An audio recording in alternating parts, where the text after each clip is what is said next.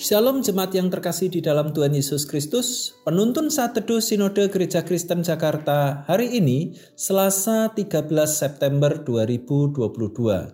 Melakukan kehendak Bapa. Nas terambil dari Injil Yohanes pasal yang keempat ayat 27 sampai ayat yang ke-34.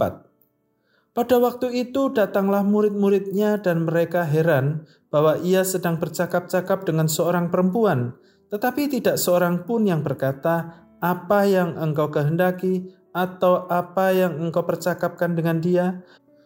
Maka perempuan itu meninggalkan tempayannya di situ, lalu pergi ke kota dan berkata kepada orang-orang yang di situ, "Mari, lihat, di sana ada seorang yang mengatakan kepadaku segala sesuatu yang telah kuperbuat. Mungkinkah dia Kristus itu?" Maka mereka pun pergi keluar kota lalu datang kepada Yesus. Sementara itu murid-muridnya mengajak dia katanya, Rabi, makanlah. Akan tetapi ia berkata kepada mereka, Padaku ada makanan yang tidak kamu kenal. Maka murid-murid itu berkata seorang kepada yang lain, Adakah orang yang telah membawa sesuatu kepadanya untuk dimakan? Kata Yesus kepada mereka, "Makananku ialah melakukan kehendak Dia yang mengutus Aku dan menyelesaikan pekerjaannya."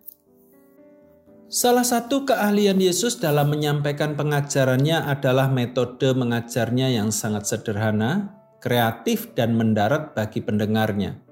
Terlebih lagi, Yesus adalah pengajar yang sangat berkompeten karena bobot dan otoritas pengajarannya. Matius 7 ayat 28 sampai 29. Yesus sangat hebat menggunakan teknik asosiasi. Yesus mengasosiasikan suatu istilah yang sulit menjadi sederhana dan mudah dipahami oleh pendengarnya. Dalam perenungan kita, Yesus mengasosiasikan kehendak Allah dengan makanan, Yesus memakai asosiasi melakukan kehendak Allah dengan makanannya yang disampaikan Yesus pada saat murid-muridnya mengajak dia makan. Penegasan Yesus bahwa dia mempunyai makanan yang tidak mereka kenal membuat mereka semakin penasaran. Mereka berpikir ada orang yang membawa makanan buat Yesus.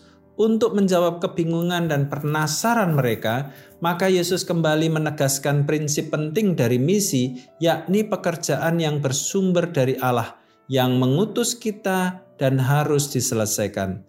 Jim Yos pernah berkata bahwa misi bukanlah pekerjaan tabrak lari, artinya dilakukan dengan tidak bertanggung jawab, melainkan pekerjaan yang harus diprioritaskan, diselesaikan dengan tuntas dan sepenuh hati secara kreatif dan kontekstual. Yesus dalam interaksi dengan orang-orang yang dilayaninya, seperti kepada wanita Samaria, dia menyatakan dirinya pada wanita tersebut sebagai Kristus, padanya sesuai konsep dan tingkat pengertian yang dimilikinya. Hasilnya sangat berdampak. Lihat Yohanes pasal 4 ayat yang ke-25 sampai 26, ayat 28 sampai ayat yang ke-29. Karena wanita tersebut membawa banyak orang untuk lebih mengenal Yesus ayat 30. Jadi secara esensi pekerjaan misi adalah pekerjaan yang mendesak, penting dan karena itu harus diprioritaskan untuk diselesaikan. Bagaikan orang lapar yang perlu makanan, dari cara Yesus mengasosiasikan melakukan kehendak Allah Bapa bagaikan makanannya, maka itu berarti kita perlu dan harus memprioritaskannya dan melakukan upaya terbaik untuk menuntaskannya.